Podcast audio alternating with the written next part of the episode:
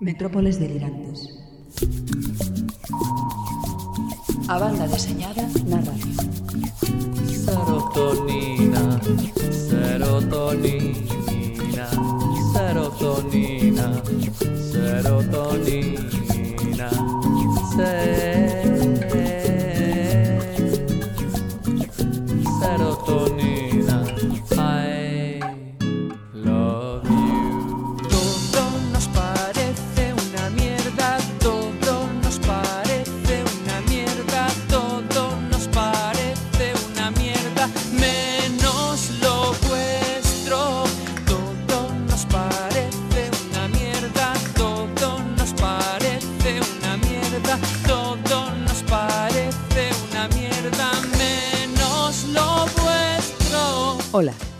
son Nieve Rodríguez e aquí comeza a 84ª emisión das Metrópoles Delirantes.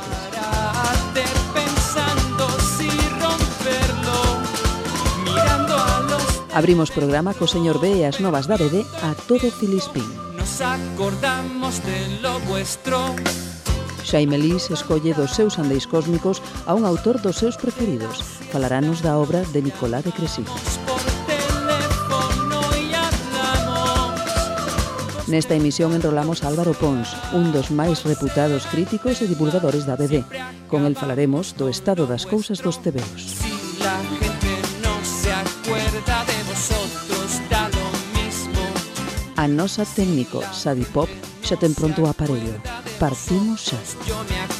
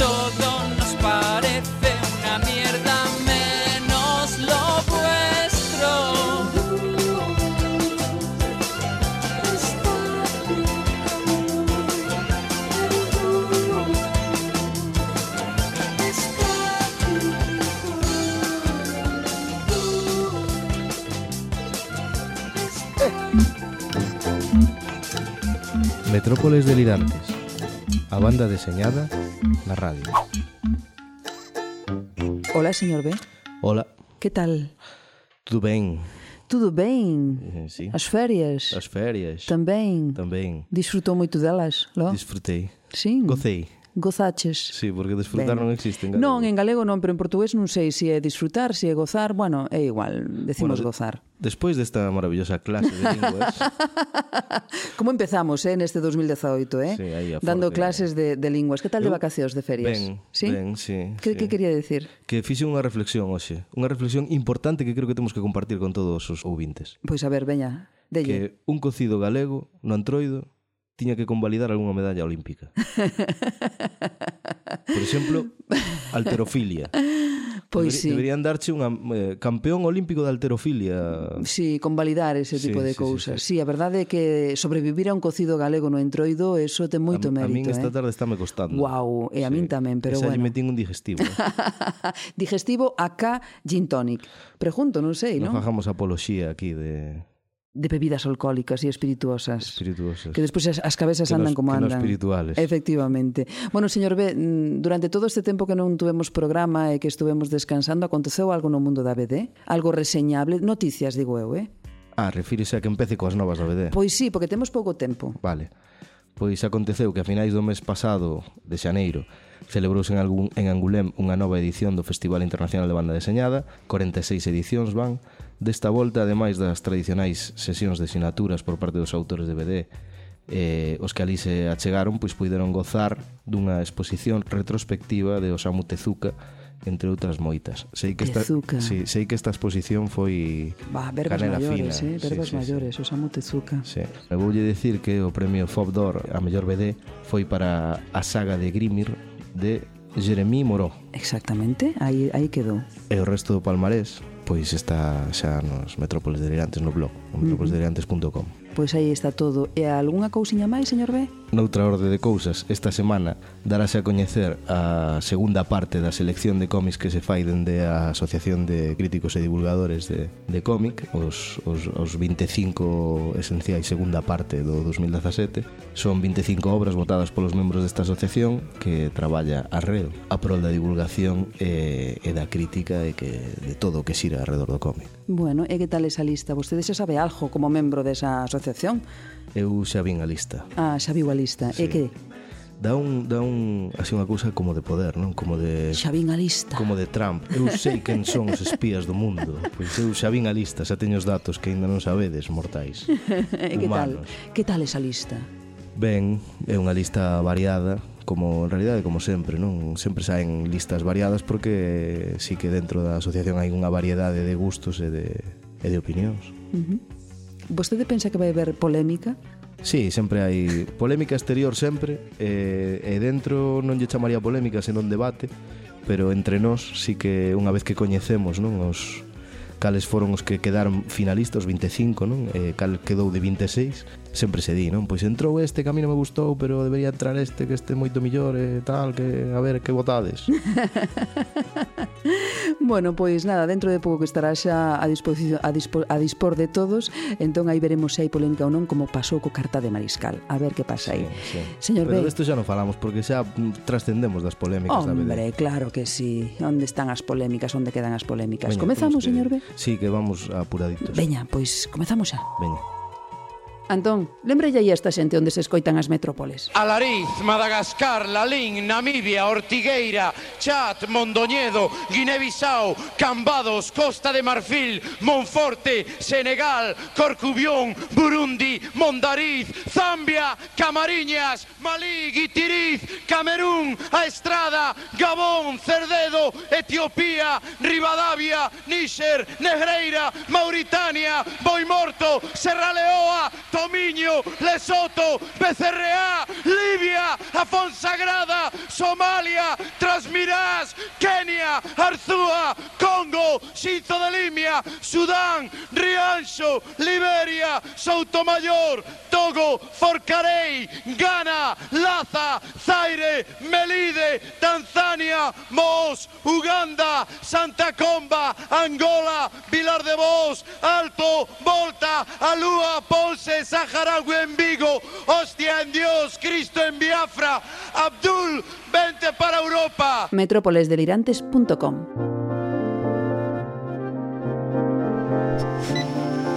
Os andeis cósmicos de Xaime Lis. Xaime Lis, benvido.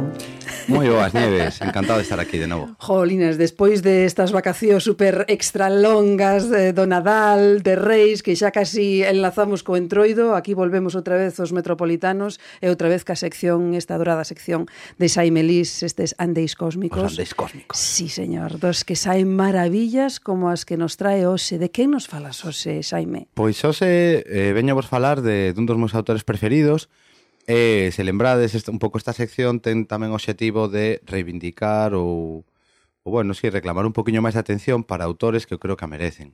Poñer en valor, como que se di sí. agora mesmo, non? Esa palabra tan utilizada, poñer en valor. Poñer en valor, exactamente. Valorar, non? De toda sí, a vida. Sí, sí, sí. Pois eh, en este caso estamos ante un autor francés que, que bueno, ronda cincuentena, é un home que, sobre todo nos 90 e a comezos do 2000, foi un autor moi prolífico, fixo moitísimas obras, eh, das cales moitas foran editadas foron editadas en castelán, pero a día de hoxe por, bueno, pois por motivos de decisións editoriais e, eh, bueno, tamén supoño que de vendas, pois só hai tres obras dele en catálogo, que son El vivendo un celeste, La república de la lucha e Salvatore. Son tres obras que están editadas por Ponentmón e que non ides ter problemas para topar eh, na vosa librería amiga. Claro, o autor eh, chamase Nicolás de Cresí, para non vou descubrir nada, non? Moitos dos, dos ointes eh, das metrópoles, pois dirán, coño, sí, que sí, que fenómeno e tal. Eh, para os que non o coñecedes, eh, pois é un, é un rapaz que, que, bueno, a finais dos 90 empezou a traballar nos estudos que tiña a Disney en, en Montreuil, en preto de París. Como moitos autores tamén da, da súa xeración, pois notase o paso polo, polo mundo da animación, é un mundo que nunca abandonou. É un tipo tamén que ten, eu o definiría como un espírito libre, as súas, as súas obras, pois, bueno, teñen un carácter nos que se ve claramente o papel do, do autor como demiurgo, non como creador, como deus absoluto, el rompe as regras da realidade facilidade, sen ningún problema, e, e bueno, dun xeito que eu, que eu considero a maioría das veces pois pois magnífico. Este autor colleu Sona con esta obra que tes, ten agora mesmo Nieves na man, porque trouxen aquí varias mostras sí, do seu traballo. Mesa... Todas as obras que trouxen aquí están todas eh, actualmente descatalogadas. A que estaba a ver, a que estaba a ver Nieves, é unha obra que fixo eh, pois con, con un amigo, ex amigo, máis ben, porque tiveron algún problema e eh, romperon un pouco a súa relación, pero eh, chamado Silva, Silván Somet, é unha obra titulada León Lacan, que editou Planeta en 4 tomos, e que levara mesmo o premio a, a mellor obra no, nun dos festivais de Angulén dos, dos anos 90. Con esta obra, digamos que foi coa que colleu un pouco de, de son a nivel internacional. Esta obra, aínda que non é, non é 100% del, como vos digo, está feito con, cun compañeiro, pois xa ten varias das premisas que, que vai manter durante, durante todo o seu percorrido. Que é, pois iso, unha, digamos, un, un gran gusto polo realismo máxico e polo surrealismo. É un autor que, como vos dicía antes, ah, non ten ningún problema en, en romper as reglas da, da realidade e que de repente pois un can se, se xa un mecánico excelente e fale e, e bueno, e teña incluso unha relación eh, de amizade cun pois como mellor cun porquiño ou, ou non, ou non sei, cousas así moi un pouco tolas pero moi divertidas que realmente son obras que deixan, a mí sempre me deixan un pouso un pouso moi interesante. E logo a nivel gráfico, eh, pois antes de antes de entrar agora en a, a gravar, pois comentando aí un pouco, Nieves dicíame que que buscando un pouco de, de información so, sobre este home, pois que atopara algunhas críticas sobre que, que tiña un debuxo como moi simplista. Moi simplón, sí, sí, sí. Eh, e realmente quedei bastante sorprendido con ese comentario porque non o considero. A mí parece un debuxante excelente, que do que destaco sobre todo o seu dominio da, da liña, do, do trazo, para que vos fagades unha idea, aqueles que, que non o coñezades, é un pouco como unha, unha versión elaborada de, de Muñoz, non do debuxante de Alex Sinner ou, ou da biografía de Billie Holiday. É un autor que logo tamén eu notolle moita moita influencia mellor de, de pintores como Egon Schiele e logo a nivel a nivel de cor tamén me parece un auténtico un auténtico fenómeno. De Cresí, de feito, estivo convidado Uf, agora a memoria vai fallar un pouco, pero eu diría que no ano 2003, no, no Viñetas de, da Coruña, e de feito foi o, o encargado de facelo cartaz do, do ano seguinte, e para min a día de hoxe segue sendo un dos mellores. A obra que, que está a ver agora mesmo Nieves, titúlase Período Glaciar, é unha mágoa que, que sexa moi difícil de, de conseguir, sempre podes ter a sorte de atopala algunha librería de segunda man ou, ou que alguén lle quede algún resto por aí medio perdido, É eh, unha destas obras que o Museo do Louvre encarga encarga cada ano a distintos autores, non? Pois eh, cada ano encarga a un artista pois realizar unha obra en banda deseñada teña algo de relación co museo, teña liberdade creativa, non?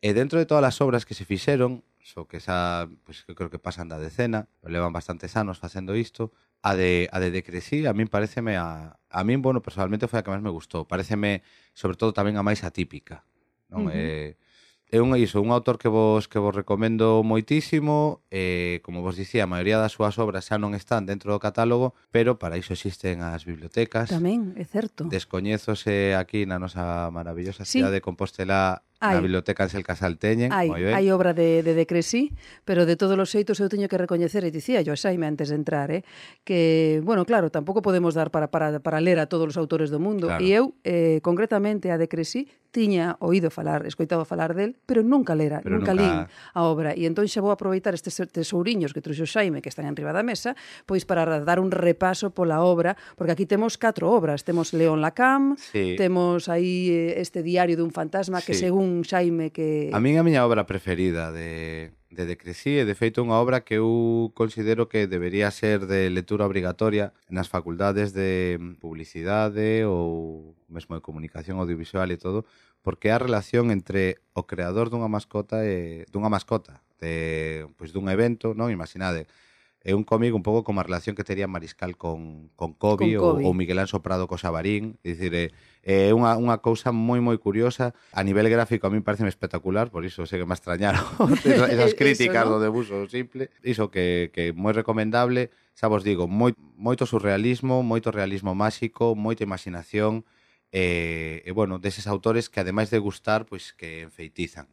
Bueno, tamén lin cousas moi boas de Decresí, eh, a meirán de parte delas, eh. E, e unha delas era que o seu forte que era a cor era que as obras en branco e negro que estaba moi ben, pero que a forte sí, de Decresí e a cor e que, e que a veces que, bueno, que houve obras que se inspirou na, no xeito de colorear de Miguel Anso Soprano. Sí, sí. Sí, iso, iso de feito, mira, vémolo en León Lacam, quizáis que sería das, das catro obras que trouxen, uh -huh. sería A primeira, uh -huh. digamos, en cronolóxicamente, vemos que a cor eh, cambia bastante respecto a, pues iso, a período glaciar, por exemplo. Uh -huh.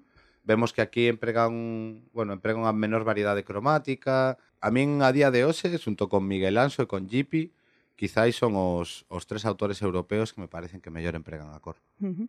E por que non, non, es, non hai obra editada del? Pois eh, ese, ese é unha desas preguntas e por iso está nesta sección este home É un deses autores que, que bueno, como adoita acontecer moitas veces pois con, con autores e autoras pois na literatura ou no cine, autores que ti como, como lector e, e mesmo como libreiro eu considero este home un xenio, pero ao mesmo tempo recoñezo que é un, é un autor que é difícil de entrar nel, o mellor. Ibache preguntar se era difícil entrar na obra del. A ver, a min é que coincidiu que, que coincidiu que, que dende, prim, dente a primeira obra que lindén que que del, pois pues, encantoume e, eh, e non e houve nada del, ben, claro, ben. non houve nada que non me gustara, pero pero entendo que asa xente que que, que asa obras que lle resulten moi complicadas. Quizáis León Lacan sexa unha obra máis densa que o resto da, que o resto da súa obra ou é tamén un autor que precisa da complicidade dos, dos lectores. Eu iso recomendo se, se algún de vos, algunha de vos ten ganas de, de se sorprender cun autor novo, eh, iso, que, que non coñeza, pois adentradevos na, na obra de Decresí porque eu considero que, que vos vai gustar e que paga pena. Pois ben curioso, é, eh, non? Un autor que está recoñecido a nivel internacional Ajá. como un dos mellores autores que deu a BD francesa e que non se poida atopar obra del claro, eh... así dun xeito fácil. Mira, non? é moi curioso, pero hai, hai como vos dicía antes, hai tres obras del en catálogo a día de hoxe, pero logo temos algunha cousiña moi interesante como, por exemplo, hai unha guía de viaxe sobre Florencia ilustrada por él que simplemente polos debusos xa, xa paga moitísima pena. Uh -huh. eh, iso é un autor que tamén ten esa, esa cosa que me gusta a mí moito e que aprezo moito nos autores que hai inquedanza de non moverse, o sea, realmente unha obra nova del non sabes que te vas a topar. Sabes que pode haber isto, pode haber lo outro, pero pero vais a sorprender seguro. Uh -huh. Pois aí queda esa recomendación, esa reivindicación de Saime Lis dende os seus andeis cósmicos, un autor que segundo el, eu non o podo decir porque ainda non lín, eh, que paga a pena coñecer e eh, adentrarse na súa obra. Chámase Nicolás de, Cre de Crecy, uh -huh. francés, así que xa sabedes, aquí asegurovos que aquí na, na Biblioteca de Santiago hai obra del. Así que veña, chegadevos e disfrutade da BD, eh, concretamente de Decresi. Xaime, moitísimas gracias. Gracias a vos. Eres de verdade unha fonte de sabiduría inmensa. Que va, que va. Nah, eu encantadísimo de, de poder compartir, de poder partillar isto cos, cos ointes metropolitanos e metropolitanas e, e con vos, co encantadísimo. Moitísimas grazas. Xa che contarei, eh, se me gustou. Veña, Veña, ata a próxima. Chao. Ens vam retrobar una nit d'estiu en un cicle especial de cinema francès a la fresca. El meu plan era tornar aviat, però al final tot es va anar allargant i els dos vam decidir sortir de gresca.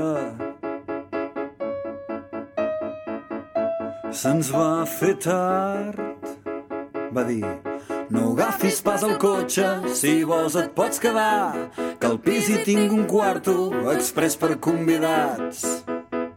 I et deixo aquí sobre un pobre llit perquè ara no, però després fot rasca. Ja veuràs. Si tens gana, vols aigua, tu mateix pots fer, pots fer com si fossis a casa. La manera com va dir bona nit i va picar l'ullet era fàcilment malinterpretable. Vaig augurar una nit per la posteritat, fer un cim, fer un 8.000, fer quelcom difícilment igualable. Però ja no passava res. Només aquell silenci trencat pel meu somier. Potser no era el seu tipus, millor que no fer res.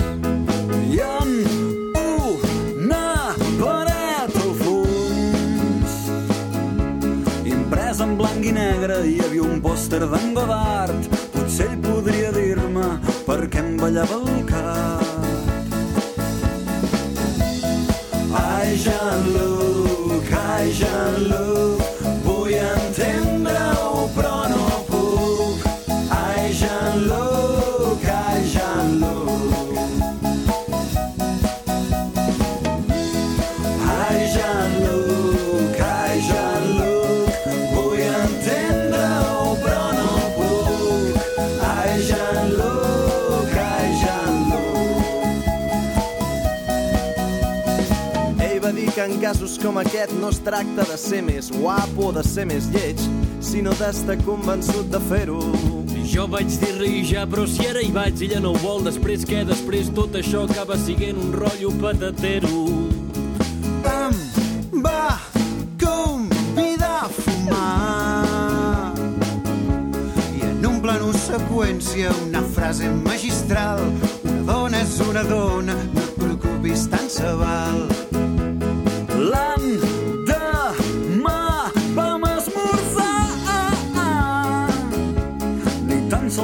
mirar-la i a l'hora de marxar ella em va fer un petó que encara no sé interpretar.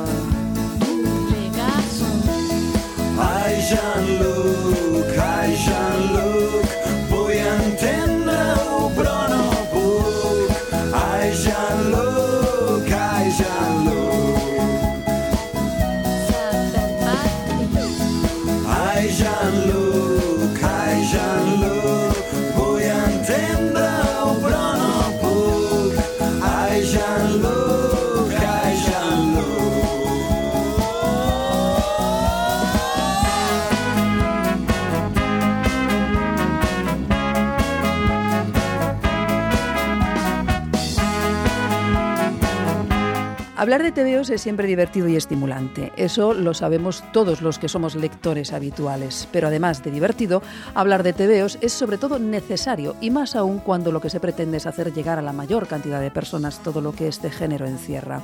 Hoy tenemos el placer de charlar en las metrópoles con uno de los críticos y divulgadores de cómic más activos del momento. Álvaro Pons utiliza todos los medios disponibles a su alcance para, como él mismo dice, contagiar su pasión por los tebeos. Álvaro, gracias por compartir unos minutos de tu tiempo para charlar con nosotros. Bienvenido. Muchas gracias a vosotros. Álvaro, eh, tú llevas desde los años 90 ejerciendo labores de crítico de tebeos. Son ya casi, eh, bueno, más de 20. Eh, y yo me imagino a un ritmo de lectura impresionante todos los días y leyendo una cantidad ingente de tebeos. ¿En algún momento llegaste a aborrecer los cómics? No, no, eso es imposible. O sea, yo no, no tengo capacidad de poder aborrecer los tebeos por mucho que me llegue. No hay saturación posible. Eh, me gustan tanto que es imposible estar saturado de, de leer tebeos y contra más tebeos lea, más ganas tengo de leer tebeos. En algunos momentos lo que sí que ocurre es que eh, los tebeos que te llegan a lo mejor pues no son los que más te gustan o, o cambias de gustos posiblemente, pero lo único que pasa es que cuando entras en un momento a lo mejor de esos así de mayor debilidad, donde ves que los tebeos a lo mejor no te llegan tanto, seguro que descubres un nuevo tebeo que te encanta y olvidas rápidamente cualquier problema y vuelves a ellos con toda la pasión del mundo. Bueno, y al hilo de esto, ¿has dejado alguna vez algún tebeo a medias? No, no, para desgracia mía no. O sea, para desgracia mía no, porque me he tragado cada truño que es realmente interesante. Pero esto es una cosa que hago en general, ¿eh? O sea, yo no dejo libros ni películas, eh, intento no dejar nunca nada a medias, ¿no? Y así me va, así me va que de vez en cuando pues me, me es un punto también masoquista, pero supongo que hay que tenerlo también, ¿no? Y tú cuando lees, bueno, claro, porque tú eres crítico y al mismo tiempo eres un apasionado de los tebeos, ¿eres capaz de disociar a la hora de coger un tebeo y de leerlo, pues eso, el, el- el- el- solamente el placer de leerlo o, o- o caes en ese punto de vista del crítico de, ah, pues mira esto, pues esto podía se- ser así y tal? ¿No te abstraes de todo? Es decir, ¿lees por el placer de leer Eh, alguna vez? Esto es algo que, que pasa con el tiempo, ¿no? Con el tiempo uno ya empieza a ver tanto que pierde cierta capacidad de, de sorpresa. Y es algo que sí que duele, ¿no? O sea, sí que duele que a veces te das cuenta de que estás leyendo y estás haciendo mentalmente la reseña del TVO, ¿no? Y cuando notas esto, ha- hay que parar un poco el ritmo y hay que bajar, dejar de apretar el acelerador y volver a recuperar esa, digamos, que cierta ingenuidad a la hora de leer para no perder nunca esa capacidad de sorpresa. Supongo que es imposible volver a recuperarla al 100% porque también la edad, los años pesan y, y todo va, va ligado, ¿no? Pero yo sí que intento, cuando he notado, y en algunos momentos sí, eso sí que lo he notado, que estabas casi en automático haciendo la reseña, eh, he parado un poquito, he dicho, para porque es demasiado ya. Eh, Eh, mejor, mejor seguir manteniendo la, la ilusión. ¿Fue lo que te pasó en el 2012 cuando dices tú, bueno, voy a, voy a aparcar el, el blog, voy a dejar de escribir, voy a, a tomar distancia? ¿Fue por ese motivo? Sí, sí, bueno, fue una...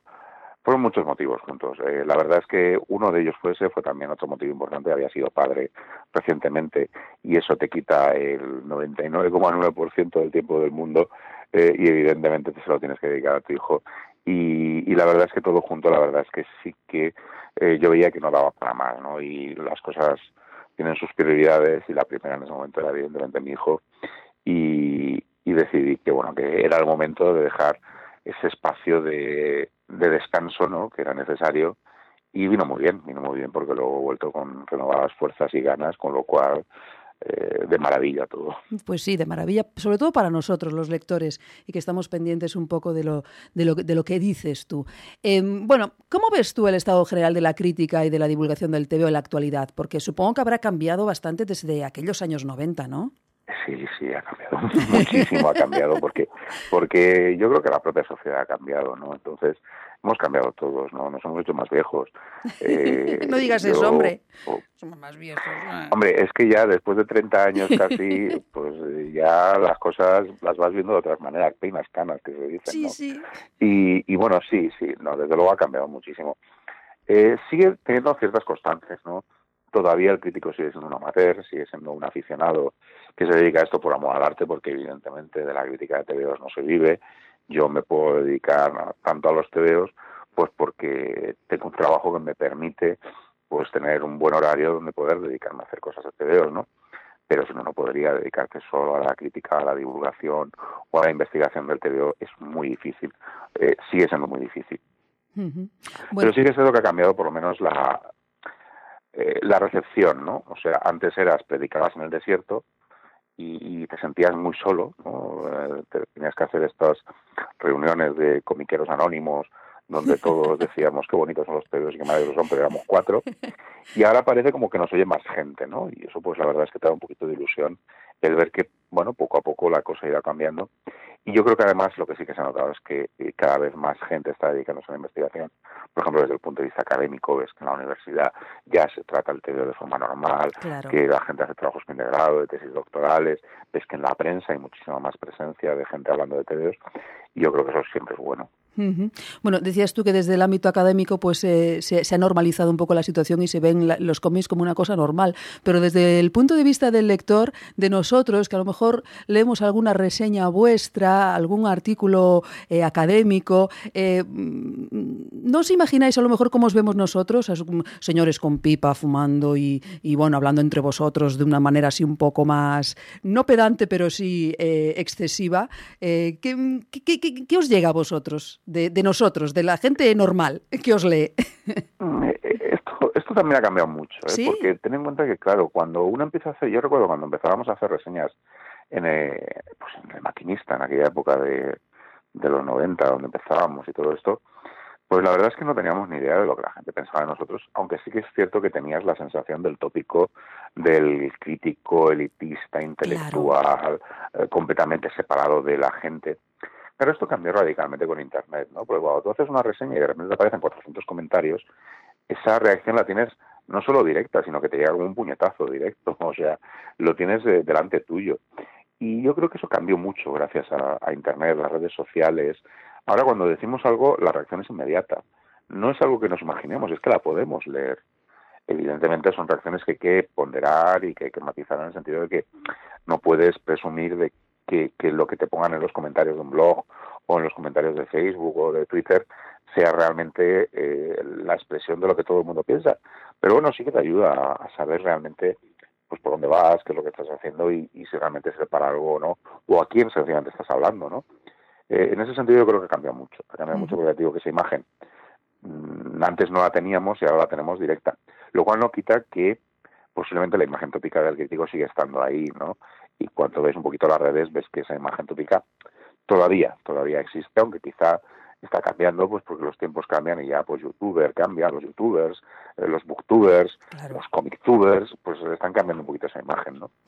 Bueno, eh, y al hilo de, esta respuesta tuya, eh, lo tenía aquí preparado esta pregunta, precisamente quería preguntarte la labor de las redes sociales. Claro, a principios de, de, este siglo, en la primera década, hay un cambio importante. Esa crítica pasa de ser escrita o hablada en una radio, radio televisión, bueno, pues a coger el móvil, grabar, dejar una opinión en las redes sin necesidad de que, se, de, que te publique, por ejemplo, el país, o a crear un blog, como tú lo hiciste, ¿no? Con la cárcel de papel, que de hecho formaste parte de ese cambio, fuiste un pionero. ¿Supone esto un riesgo a la hora de que nosotros, lectores, aceptemos un comentario, un consejo colgado en la red como la reseña de un crítico de cómic? ¿Son los booktubers los nuevos eh, críticos? Posiblemente sí, posiblemente sí a tu última pregunta. Eh, lo que tiene todo esto es, como siempre, eh, todo tiene cosas buenas y cosas malas. Es cierto que se ha democratizado la, crítica, ahora cualquiera puede hacer crítica y cualquiera puede montar, dar su opinión, y evidentemente lo que ha cambiado es la manera de cómo recibimos esa opinión. Yo creo que siempre con la crítica había que tener una cierta prevención, ya sea la crítica más formada o la menos formada, y es que a fin de cuentas todo lo que hace es dar una orientación al lector, ¿no? Eh, es una orientación que el lector nunca tiene que asumir como una verdad suprema. Ya la haga, eh, vamos, el, gurú máximo, el mayor entendido del mundo o el vecino de la esquina. Nunca puedes asumir una opinión que no es tuya como la opinión verdadera, sino que siempre la tienes que asumir, pasar por tu eh, criterio, pasar por tu sentido del gusto, por tus criterios propios y decidir si esa orientación que te da el crítico es buena o mala. Quizá con este bombardeo absoluto de opiniones, esa necesidad de filtro previo por tu propio criterio es más importante. Pero yo creo que en ese sentido lo que ha cambiado es la escala, ¿no? Antes, para mí, e, era importante que lo que diga un crítico no puede ir a misa. Por mucho que te guste lo que digan. Yo siempre he dicho lo mismo.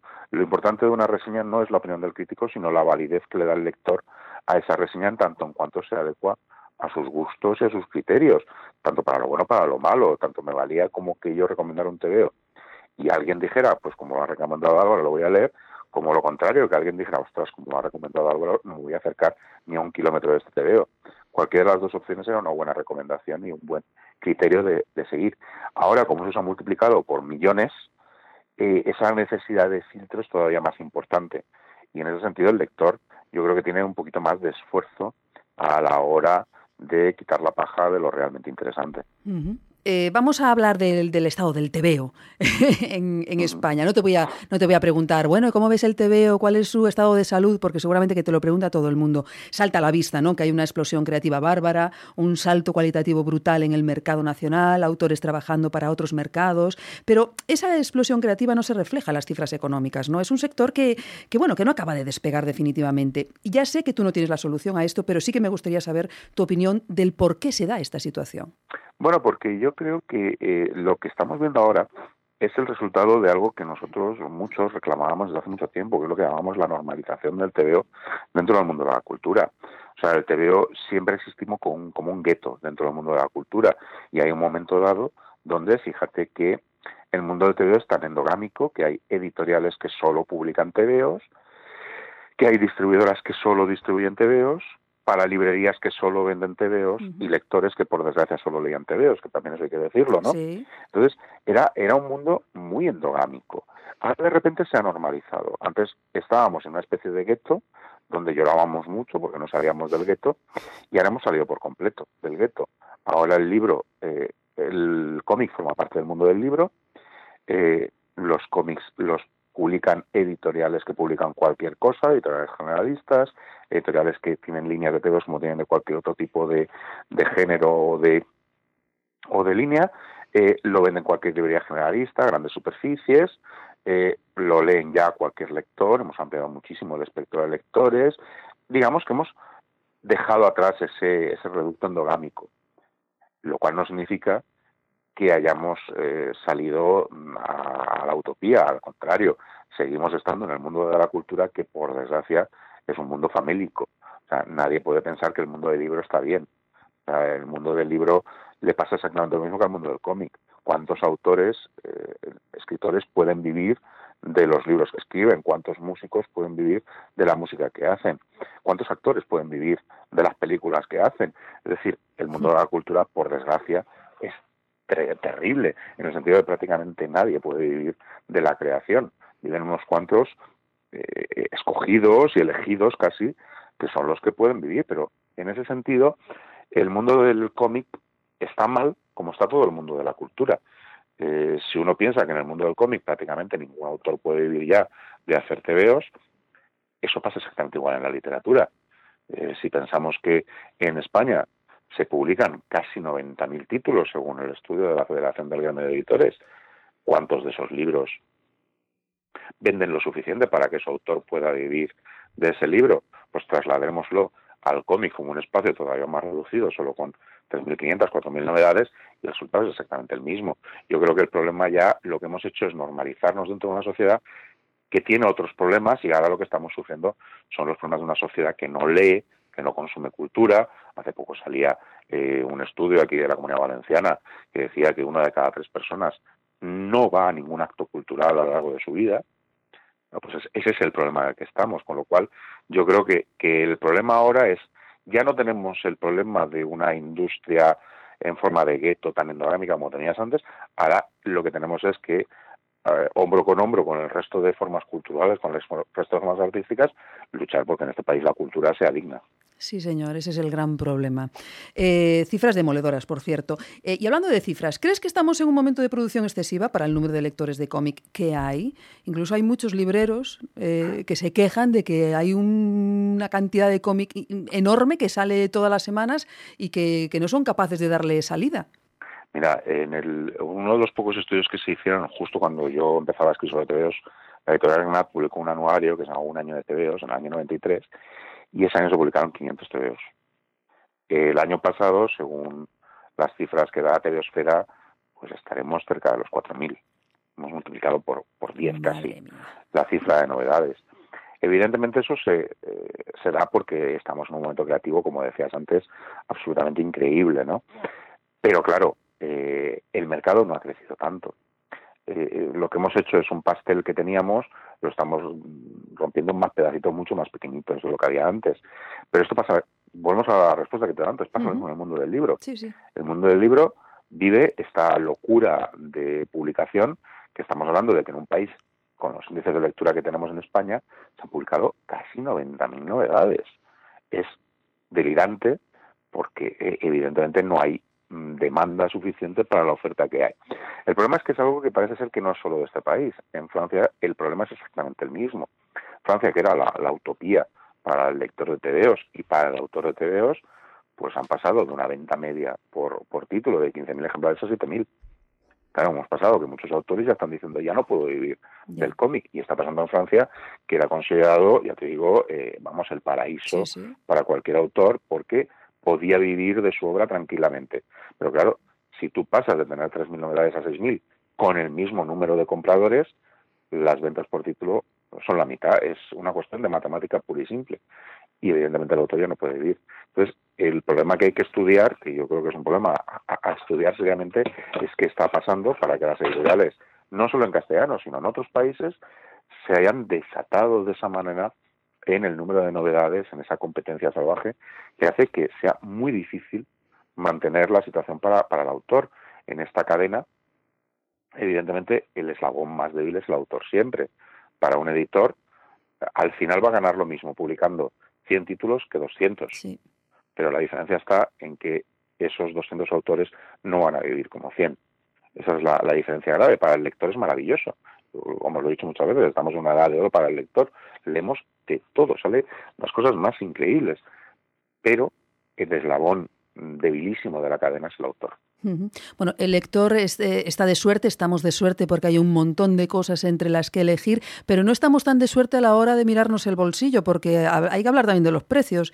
Empieza a popularizarse ese modelo de la novela gráfica a principios de los 2000, se estandariza el precio en torno a los 25 euros cuando veníamos del álbum francés de toda la vida que costaba 14, 16. ¿Es esto sostenible a la larga para nosotros, para los lectores? Porque, pues, porque personalmente mi bolsillo hace malabares, Al- Álvaro, yo no llego a todo. Es increíble. Yo tampoco, o sea, yo soy, yo, yo lo mío es un desastre completo porque, eh, eh, fíjate, yo tengo mucha suerte, me mandan muchísimas novedades editoriales, tengo la suerte pues de que por amistad o por o por interés me mandan muchas novedades pues para que las reseñe, para que pueda hablar de ellas, pero mucha gente me dice qué suerte no te gastas dinero en TVOs, al contrario, todo lo que me ahorro lo que me mandan me lo gasto Claro. otra parte en TVOs también, Sí, sí. evidentemente lo vamos a intentar tener el doble, ¿no? pero eh, es, es realmente difícil porque, eh, claro, tú vas ahora a una librería y te gastas 100 euros y te has llevado cuatro tebeos. Pero nada, pero en, un, en un- decía. en un vuelo, ¿eh? Así, eh, sin darte Sí, sí, cuenta sí, casi. sí, sí, cuatro tebeos con suerte. Sí, porque sí. Con la moda de los integrales, Bueno, a lo bueno, mejor te llevas dos. bueno, bueno, eso es un escandalazo ya, pero bueno. Eh, Entonces, claro, pero esto es algo que está pasando también en toda Europa. El coste de los tebeos con el, el formato libro, formato cada vez más caro, pues hace que para colmo este problema del aumento de novedades tenga todavía menos venta. Porque no es lo mismo que tengas 3.500 novedades a 10 euros que 3.500 novedades a 25 euros o a 50 euros, como ya salen los tebeos en algunos casos. Claro, esto eh, no es sostenible. No es sostenible cuando, para colmo, estamos en una sociedad donde, por desgracia, el, el sueldo medio baja, el tipo de contrato laboral es cada vez más precario y la gente cobra cada vez menos. Entonces, en algún momento esto mm, tiene que explotar. Lo que no sé es cuándo ni en qué momento. Bueno, y hablando de la novela gráfica, lo comentabas tú al principio de la entrevista, ¿no? Que que esto trajo cosas muy buenas para el sector y es que para cierto estrato de la sociedad el cómic ha dejado de ser cosa de niños para ser objeto de lectura, para adultos que nunca se habían acercado al TVO y al mismo tiempo también sirvió para introducir, que es lo que decías tú, eh, el cómic en circuitos donde no tenía presencia, librerías generalistas, grandes superficies. Pero ¿crees que se publican historias que no dan para novela gráfica pero que se inflan un poco artificialmente para que accedan a ese circuito? ¿No se ha creado una burbuja alrededor de este fenómeno? Bueno, esta novela de 70 páginas vamos a llenarla un poquito más, para que pese un poco más, para que, bueno, vamos a dar una forma así guay para venderla como novela gráfica. ¿Tú qué crees? Mira, hace, po- hace tiempo eh, alguien en un blog hizo un estudio del número de viñetas que había en un álbum francés y el número de viñetas que había en una novela gráfica y eran las mismas. Ah, sí. La diferencia es que uno tenía 46 páginas y otro 200, ¿no? Eh, evidentemente, eh, yo soy de, lo- quizá por, por, vejez, ¿no? Yo soy de los que piensan que se cuenta lo mismo, que yo las historias que leía en, en las revistas en los años 80, en Swift, en, en el Víbora, son las que leo ahora en novelas gráficas, ¿no? Lo que ha cambiado es la forma de consumirlas. Y evidentemente los hábitos de consumo cambian. Evidentemente también, eh, lo que ha habido también es un cambio tecnológico. O sea, eh, hoy por hoy se puede publicar una novela gráfica, se puede publicar un libro como Fabricando Historias de Chris Ware, porque tecnológicamente se puede hacer. Hoy podemos editar una novela gráfica con una tirada de 500 ejemplares, cuando hace 30 años la tirada mínima para que una imprenta te saliera mínimamente rentable eran 5.000 ejemplares. Eh, yo recuerdo perfectamente cuando eh, antes, eh, para poder acceder a kioscos, las distribuidoras de kioscos en los años 80 te decían, no, no, o, o tiras 15.000 ejemplares o es que no te lo cogemos.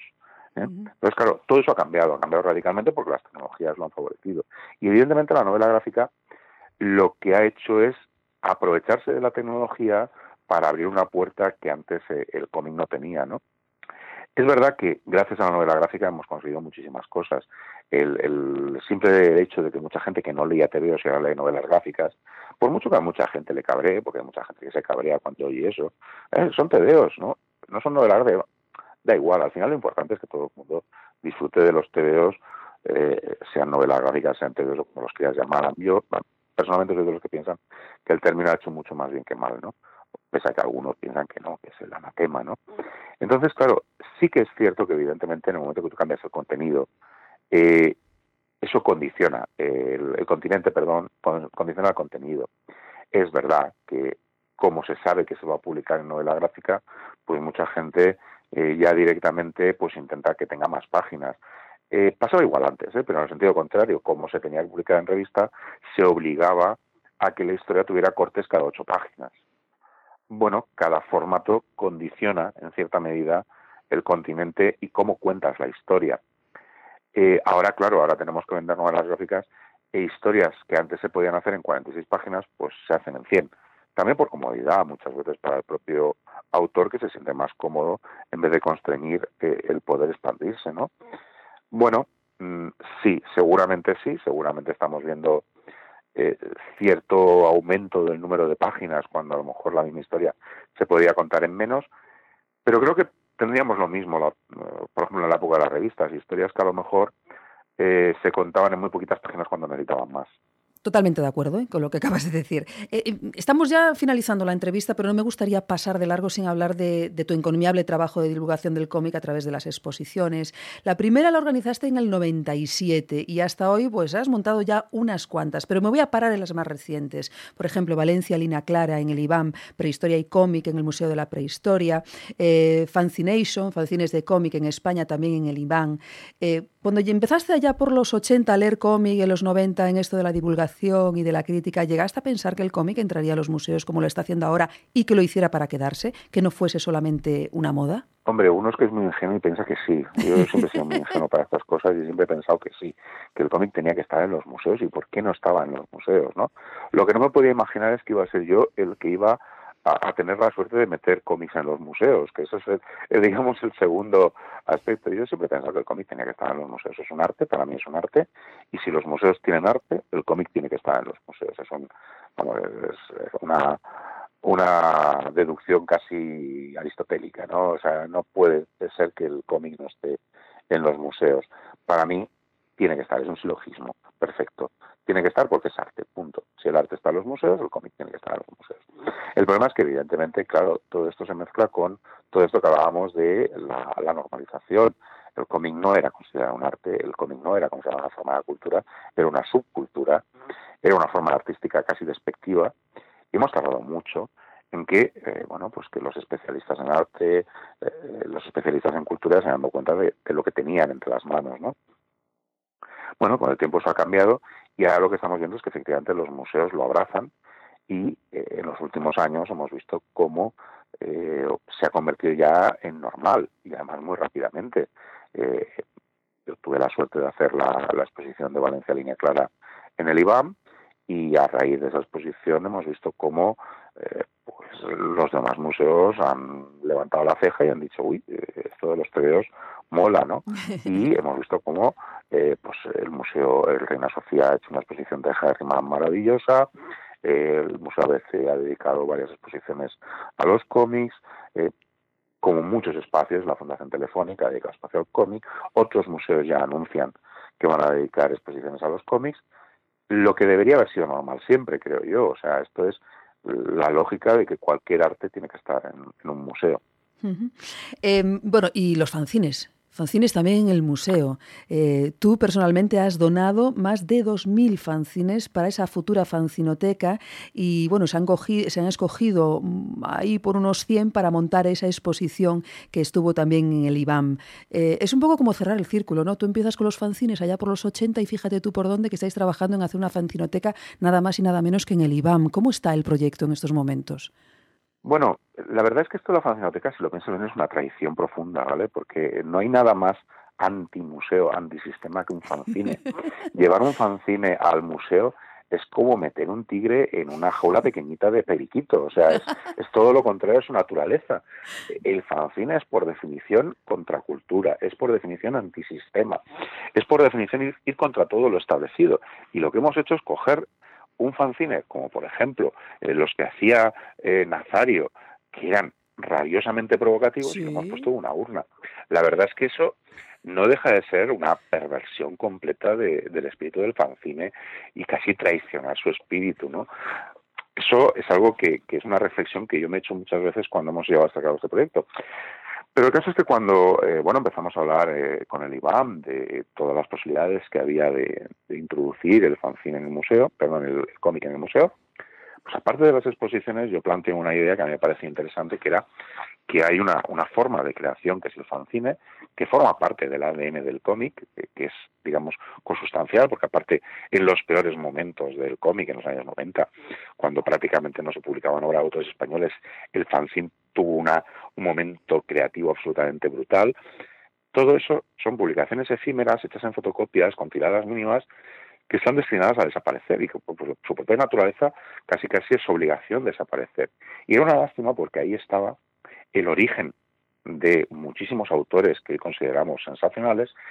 Es una buena manera de estudiar el momento creativo de cada época. No se puede analizar el momento creativo de una época sin estudiar los fanzines de cualquier tipo, no solo hablo de fanzines de cómic, fanzines artísticos, fanzines de ilustración, fanzines de música, de, literarios, de poesía, porque forman parte también de, de, una parte de la cultura que no vemos, de esa parte que va en contra de lo, digamos, eh, admitido por la, por la cultura establecida.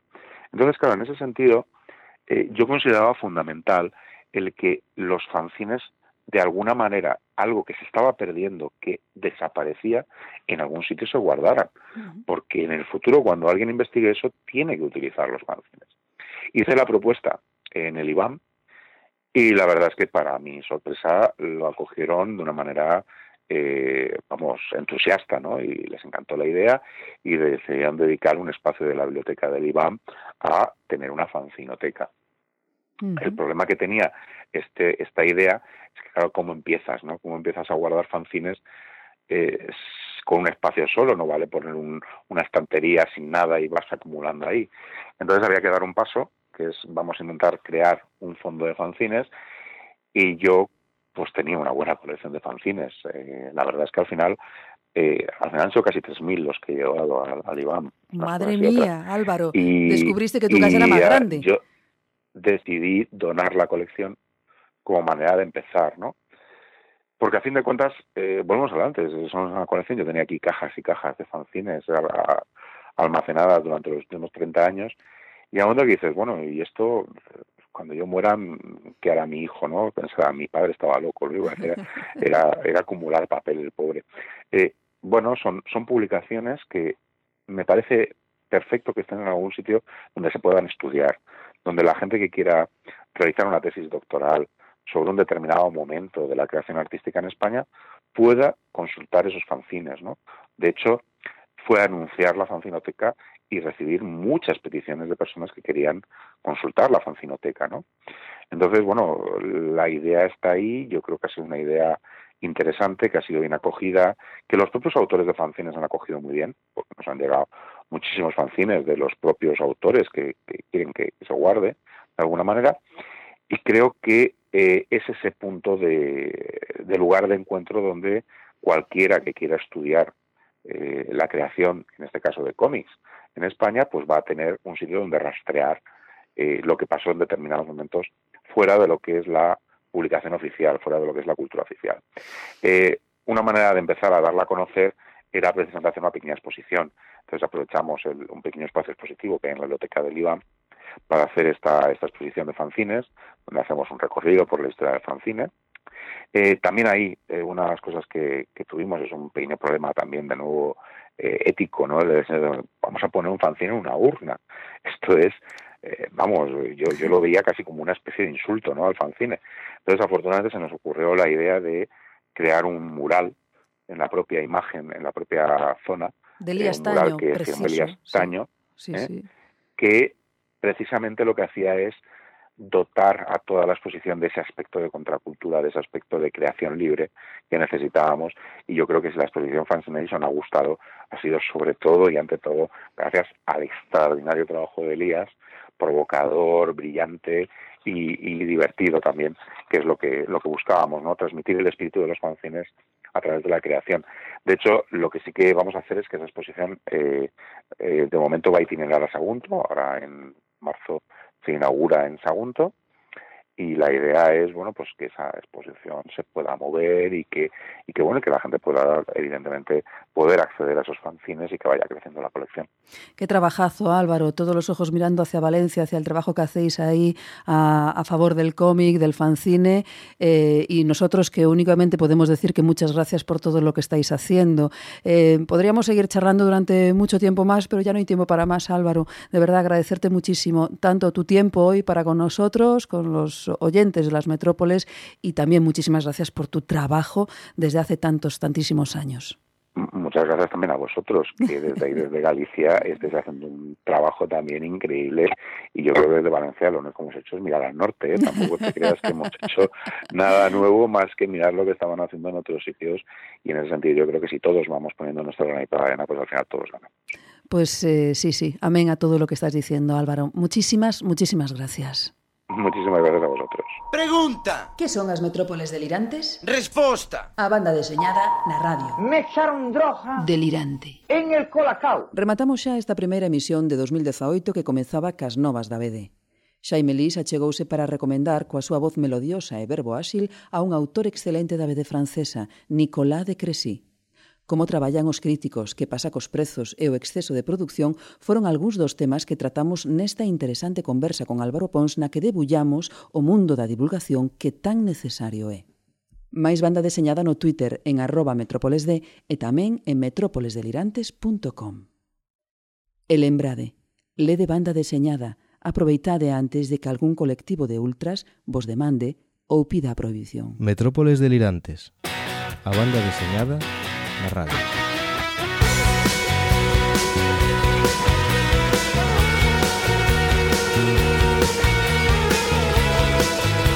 Los Angeles, you are too hot.